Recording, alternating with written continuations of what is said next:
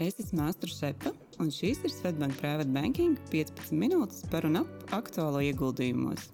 Katru piekdienu kopā ar kolēģiem un arī viesiem apspriedīsim karstākos jaunumus finanšu tirgos un labklājības veidošanas tēmās, lai aizraujoši klausīšanās. Esiet sveicināti podkāstu 46. epizodē. Šodien es, Mārtiņš, esmu kopā ar vecāko privātu banķieru Maiju Renētu. Čau, Maija! Čau, Mārtiņ! Šodien parunāsim par pasaules slaveniem investoriem. Par Vorenu Buffetu, Ketiju Vudu, Reiju Dalio, par to, kā viņu stratēģijas atšķirās. Jā, kas ir viņu dienas kārtībā šobrīd arī. Un pieskarsimies arī tematam, kāpēc šonadēļ ir tik svārstīgi finanšu tirgi to noslēgumā parunāsim par to, kas ir iemesli. Bet, nu, sākot par lieliem ieguldītājiem, Orens Buffets, sāksim ar viņu teiksim, pašu cienījamākā vecumā investoru, kurš ir slavens ar to, ka pieturās savai stratēģijai, un pašlaik arī ir nācis klajā ar Berkshire Hathaway šo savu slaveno shareholder letter, kas ir pievienota uh, gada pārskatam, un vienmēr bijusi klasiska lieta, ko investori un finanšu tirgi gaida ar nepacietību, lai izlasītu. Jā, Varens Buffets ir uh, kopā ar savu partneri Čārliju Mangeru bijuši jau tirgu jau vairāk kā 50 gadus, un abi ir sasnieguši jau vecumu virs 90. Tāpēc ir ļoti interesanti paklausīties, kādas ir viņu atziņas. Un vēstule, protams, sākās ar salīdzinājumu, kā ir Berkshire Hathaway, viņu piedarījušais uzņēmums, arī, kuri kur akcijas mēs varam iegādāties, ir salīdzinot ar SMP nodarboju, nu, teiksim, rezultāti, kādi bijuši. Tad Berkshire Hathaway kapitāla pieaugums vidējais no 65. gada bijis nepilnīgi 20%, SP indeks akcijas ir pieaugušas par nepilniem 10%. Un, jā, un uh, Varena Buffeta veiksme noteikti ir uh, dēļ tā, ka viņš ir pieturējies pie stratēģijas, un viņš arī savā vēstulē sola investoriem, ka viņi nākotnē arī turpinās pieturēties pie tādas stratēģijas, kas nozīmē, ka viņi portfelī tur pietiekoši lielu naudas rezervi, jo gadījumā ir kādas likviditātes problēmas, lai uh, uzņēmumā nesāktos šī finanšu panika. Nu, un, protams, uh, ka viņu šis uzņēmuma vadītājs uh, vienmēr būs arī risku speciālists, lai viņš pieņemtu atbildīgus lēmumus lēmumus. Tāpat arī uzņēmuma vadītājiem, Berkshire vadītājiem ir jābūt arī akcionāram uzņēmuma, un šīs akcijas viņam noteikti ir jāpērk par saviem līdzekļiem. Tas ir arī viens no veiksmības stāstiem, kāpēc ir tāda uzticība Buffeta investīcijām, un arī, arī kopumā gadu gaitā daudz izvēlās viņu uzņēmumu un nopērk viņu uzņēmumu akcijas. Bet nu, vēsturē, kas vēl bija tāds nozīmīgākais punkts, tas, kad pats Buffets saka, protams, ka viņš ir arī daudz kļūdījies, kad, kad ir bijuši izcili pirkumi, izcili pirkumi bijuši reiz varbūt piecos gados. Viņš min savus veiksmīgākos. Tas ir bijis 94. gadā Coca-Cola, tad ir American Express, kas ir bijuši viena no pamat, pamat labākajām viņa veiksmes atslēgām, kur nu, daudz, daudz entās kārtas ir lielāks dividends nekā viņas bija pašā sākumā. Protams, nu, ņemot vērā, ka tajā brīdī, kad tika pieņemts lēmums, droši vien bija daudz jautājumu, kāpēc pirkt vienu vai otru akciju, bet nu, šobrīd mēs redzam, ka, ka tas ir bijis ļoti, ļoti veiksmīgi. Un arī Buffets pats par sevi pasaka, ka nu, ka vajag tikai dažus tādus veiksmīgus pirkumus, un ilgtermiņā tas nodrošinās jums ļoti, ļoti labus rezultātus. Nu, tas būtu ļoti forši, ja mēs zinātu uzreiz, kurš tad ir tie pirkumi. Tāpēc bieži vien arī daudz seko Buffeta investīcijām un domā, ka tas ir nākamais tāds veiksmes stāsts. Jā, man patīk arī, kā viņš saka, ka viņi izvēloties akcijas, viņi nevis izvēlas akcijas, bet viņi izvēlas biznesus, kurā ieguldīt. Un, un viņš ir tāds tipisks uh, value vai, vai, vai uh, vērtības uzņēmumu ieguldītājs, kurš, uh, kurš ieguldu uzņēmumos ilgtermiņā ar, ar mērķi, uh, ka šis uzņēmums uh, attīstīsies un atnesīs peļņu. Jā, un, un īsti varbūt nekoncentrējas uz īstermiņa ātrajām peļņām. Tas ir tā, viena no tādām pam, pamat stūrakmeņiem stratēģijā. Bet kas vēl interesanti vēsturē, protams, ir, ir, ir arī jauns nodoklis ASV, šis akciju atpirkuma nodoklis 1% apmērā, ko Baidens ieviesa nu, tā, tā pretinflācijas savā plānā. No vienas puses akciju atpirkums, tā lai saprastu, kas tas ir, ir uzņēmums strādā ar peļņu, gūst savu, teiksim tā, naudu papildus. Viņi var izmaksāt to dividendēs, eh, uzņēmums var arī to izmaksāt un, un investēt un papildināt savu nu, vērtību, palielināt. Un trešais ir eh, atpirkt savas akcijas, kas nozīmē, ka esošie akcionāri. Nu, Viņu īpašumtiesībās ir lielāka, lielāka, tā, lielā, lielāks īpatsvars no uzņēmuma, un atbilstoši arī tādā formātā gūst labumu, pieaugot to vērtībām. Nu, ja, protams, ir akcija pareizi novērtēta. Tas tā pavisam īsumā aprakstot. Bet, uh, Eh, bet eh, kāpēc eh, varbūt Buffets šobrīd arī tā kritizē šo iemeslu? Tāpēc, ka nu, tas nekādā formātā, viņaprāt, nerada nekādu negatīvu ietekmi uz nevienu, ja tas ir godīgs darījums. Um, bet arī abas puses jāvērtē, ka nu, valdība arī grib nodokļus iegūt. Un, Šī gadījumā līdz, līdz, līdz 2022. gada beigām laikam, tas netika aplikts nekāda nodokļa. Un bieži vien šāda at akciju atpirkšana arī tiek saistīta ar nu, banku vadītāju spēju varbūt uzlabot savus finanšu rādītājus un atbilstoši būt lielākas prēmijas. Līdz ar to bieži vien uh, uzskatāms, ka uh, viņi uzņēmums neiegulda varbūt savos darbiniekos vai attīstībā tik daudz, cik varētu, ja nebūtu šīs atpirkums. Uh, kopumā Buffets jau ir liels ASV patriots. Jā, un viņš saka, ka, eh, ka Amerika būtu varējusi iztikt, bet Berkshire Hathaway, ka viņi izdzīvotu, bet savukārt viņi, eh, Berkshire Hathaway bez Amerikas un teiksim, tā, kopumā bez tās Amerikas ekonomiskā uzplaukuma, viņi nevarētu. Jā, viņš ir kopumā pateicīgs Amerikas sabiedrībai un, un, un biznesiem par to, ka viņi ir atnesuši labklājību arī viņu um, uzņēmumam. Buffets arī, protams, palielinās ar savu, saviem veiksmēs stāstiem, kā jau minēju, tiem pirkumiem, bet kopumā arī palielinās, ka viņa īpašumā ir astoņi no tādiem Amerikas lielā, lieliem milzu uzņēmumiem, kur, kuriem ir uh, lielākie akcionāri, kas ir Bank of America, American Express, Chevron, Coca-Cola, HP un Moody's uh, un vēl uh, Paramount uh, Global. Nu, lūk, un, un tas, tas, ko Buffets varbūt kontekstā ar to arī akciju atpirkuma nodokli saka, nu, ir, kad pēc būtības, ja skatās ASV nodokļu maksātāji, kas pēdējā desmitgadē līdz 21. gadam samaksājuši 32 triljonus ASV dolārus nodokļos, tad Berkshire Hathaway ir samaksājis 0,1% no tādas summas. Un, ja tādi būtu tūkstoši uzņēmumi, tad sanāk, ka nevienam citam nebūtu jāmaksā nodokļi, kad viss būtu izdarīts un viņš paceļ savu vērtību. Nu, kad ir diezgan nozīmīgs apjoms, ko viņi devuši ekonomikā, un arī pasaka, nu, kad uh, visi, kam pieder, viņu uzņēmums ir daļēji jau samaksājuši nodokļus, un, un viņš tā paceļ tā savus, savu, savu vērtību tajās, tajā visā stāstā par tiem nodokļiem. Jā, nu, jāsaka, arī man patīk, ka viņš saka, ka var arī nelasīt visas šīs garās pārskatu lapuses, un ka, un ka ir daudzi miljonāri un miljardieri, kuri nekad nav pētījuši viņa finanšu rādītājus. Jo viņi vienkārši zina, ka viņam un Čārlijam Mangaram, tātad un viņu ģimenēm, var uzticēties, un ka viņiem pašiem ir ļoti milzīgas investīcijas šajā uzņēmumā, Berkshire Hathaway, un ka viņi var uzticēties ar savu naudu, kā, tāpat tās kā viņi paši to dara. Bet eh, runājot tālāk par eh, dažādām stratēģijām, otra investora, par ko es labprāt parunātu, ir Ketija Vuda. Un, um, kā jau minēju, ka, lai gūtu panākumus ieguldījumos, ir, pie, ir svarīga tomēr šī stratēģija. Un arī kā Varens Buffets atzīst, ka, ka no kļūdām nevarēs izvairīties. Viņam arī ir bijušas kļūdas, lai arī viņš ir šis pasaules diženākais investors. Un te arī noteikti jāsaka, ka viņi diametrāli pretēji varētu būt. Jā, di diametrāli pretēji, jo Ketija Vuda ir tieši šī izaugsmes uh, ieguldītāja. Viņi iegulda uzņēmumos, kuriem ir milzīgs izaugsmes potenciāls savukārt.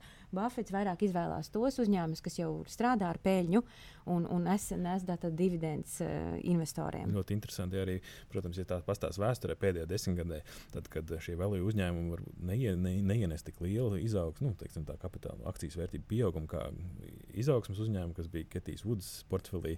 Protams, pa Buffetu uzskatīja, ka varbūt viņš nav arī tik veiksmīgs, bet mēs redzam, ka diametrāli pretēji arī šobrīd šie grozs uzņēmumi rīt vairāk, un tagad nedaudz nežēlistībā kritusi Ketija Wooda, un Buffets atkal ir, teikt, slavenības. Uh, slavenības kalngalī ar saviem. Jā, tā ir, bet nu, jāsaka, ka eh, Buffets tomēr ir krietni ilgāku laiku tirgu kopumā, apmēram 80 eh, gadus, kā viņš pats saka. Jā, bet savukārt eh, Ketija savu fondu nodibināja pirms deviņiem gadiem, un arī ir 30 gadus jaunāk par pašu Buffetu. Nu, runājot par Ketijas stratēģiju. Uh, nu, jāsaka, viņi ir apbrīnojami, ka viņi spēja pieturēties pie savas stratēģijas, un, uh, un uh, viņa ir bijusi gan kā lielākā ieguvēja, gan arī zaudētāja, kā tu pieminēji. Un, uh, Arkinvest, viņas šajā investīciju fondā, uh, mā, viņu mājaslapā ir teikts, ka mērķis ir nodrošināt kapitāla vērtības pieaugumu ilgtermiņā, ieguldot inovatīvajās tehnoloģijās. Nu, ko tas nozīmē? Tas ir tādi uzņēmumi, kas uh, darbojas enerģijas uzglabāšanas, jaunās paudzes, internetu, biotehnoloģiju, fintech. Uh, Eh, kriptovalūtu un citās jomās. Un, un, un Ketijas Vudas pieeja ir, un viņas komanda uzskata, ka investoriem ir jāiegulda tādos uzņēmumos, kas eh, mainīs to, kā darbojas pasaule. Jo inovācijas, zinātnē un tehnoloģijas risinās problēmas, no kurām saskarsimies nākotnē. Un jāsaka, ka tam ir grūti nepiekrist. Protams, ka zinātne virzīs um, attīstību. Bet nu, kopumā par tiem rezultātiem runājot. Uh, Ketijas uh, Vudas uh, portfels no augstākā punkta, kas bija 21. gada februārī, samazinājās par 75%, uh, un, bet kopumā no izveidas brīža tā vērtība ir pieaugusi 85%, kas gadā ir aptuveni atnesuši ieguldītājiem 9%. Nu, ko tad viņi ir pēdējā laikā darījuši? Kādus darījumus pagājušā gada 4. ceturksnī viņi ir palielinājuši savus Tesla akciju pozīcijas savā lielākajā šī ARK Innovation fondā. Kas šobrīd Tesla sastāv 10% no visa šī fonda. Nākamais ir Zoom akcijas ar 8%, un trešā lielākā pozīcija ir uh, 7% ir kompānija Roku, kas ražo ierīces digitāla satura un video straumēšanai. Nu, jārēķinās, vien, ka Ketijas portfels svārstīsies diezgan ievērojami. Pilnīgi noteikti, bet nu, viņai ir tā, tā stratēģija, tomēr ir skatīties uh, nākotnē. Un, uh, tas, vai tā attaisnosies, protams, uh, redzēsim, bet nu, viņas apņēmība pie tās pieturēties ir ievērības cienīga. Un jāsaka, ka viņa arī tāpat kā Vorens Buffets uh, regulāri savus investorus uzrunā YouTube kanālā. Jā, Reidalio. Jā. Nu, Reidalio tā stratēģija ir pavisam uh, atšķirīga arī. Uh, un tad, tad Reidalio ir šī pasaules lielākā hedge fonda uh, Bridgewater Associates dibinātājs. Nu, viņa ieguldījuma stratēģija tiek balstīta uz makroekonomikas datiem, ekonomiskiem cikliem, un, un uh, viņam, uh, viņš ir pie, uh, portfeļa diversifikācijas piekritējs. Uh, portfels ir jādiversificē par dažādām aktīvu klasēm, un viņš piedāvā tādu kā all-weather portfolio, ja visu laiku apstākļu portfeli, kas, uh, kas ir kā piemērs sabalansētām portfelim, lai ieguldītājs spētu sasniegt labāko risku un peļņas attiecību.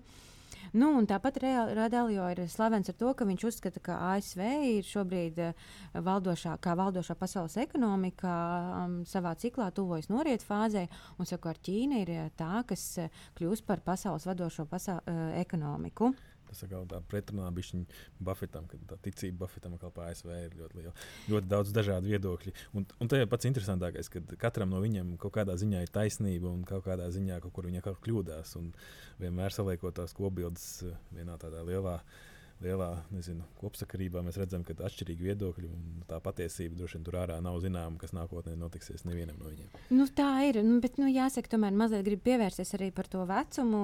Investoru Reidalio ir 73 gadus vecs, un, un viņš tomēr ir padomājis par to, kā savu labklājību nodot tālāk jau nākamajām paudzēm. Pagājušajā gadā viņš paziņoja par to, ka viņš atkāpjas no fonda valdes, un uh, šogad jau jaunais menedžments paziņoja, ka viņi mazliet mainīs savu stratēģiju un ka viņi 2020. 2023. gadā viņi palielinās mm, savas investīcijas mākslīgajā intelektā, mašīnu apmācībā, jeb uh, machine learning un paplašinās investīcijas Āzijā.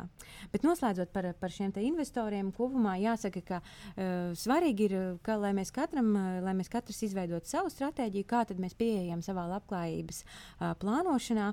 Un, uh, un jā, jā, ja tā darbojās, tad nu, pie tās ir svarīgi arī pieturēties. Jā, nu, interesanti arī, ka Buffets, protams, ir kur pasaka, veiks, veiksmes stāsts ir pāris uzņēmumi, kas ir bijuši, bet nu, kopā viņš iesaka, protams, investoriem, tie, kas neseko līdz daudz finanšu tirgiem. Nu, teiksim, indeksu fondu diversificētu pasīvu pārvaldītu plašā teritorijā ar mazākajiem riskiem. Un pievēršoties šīs nedēļas aktualitātei, kas arī bija vietējos sabiedriskajos mēdījos apspriesta, kas tad tur notika pāri okeānam? nu, nenoteiktība. Tas jau ir tas, kas vienmēr svārsta tos tirgus. Pirmdien tā bija pietiekami liela.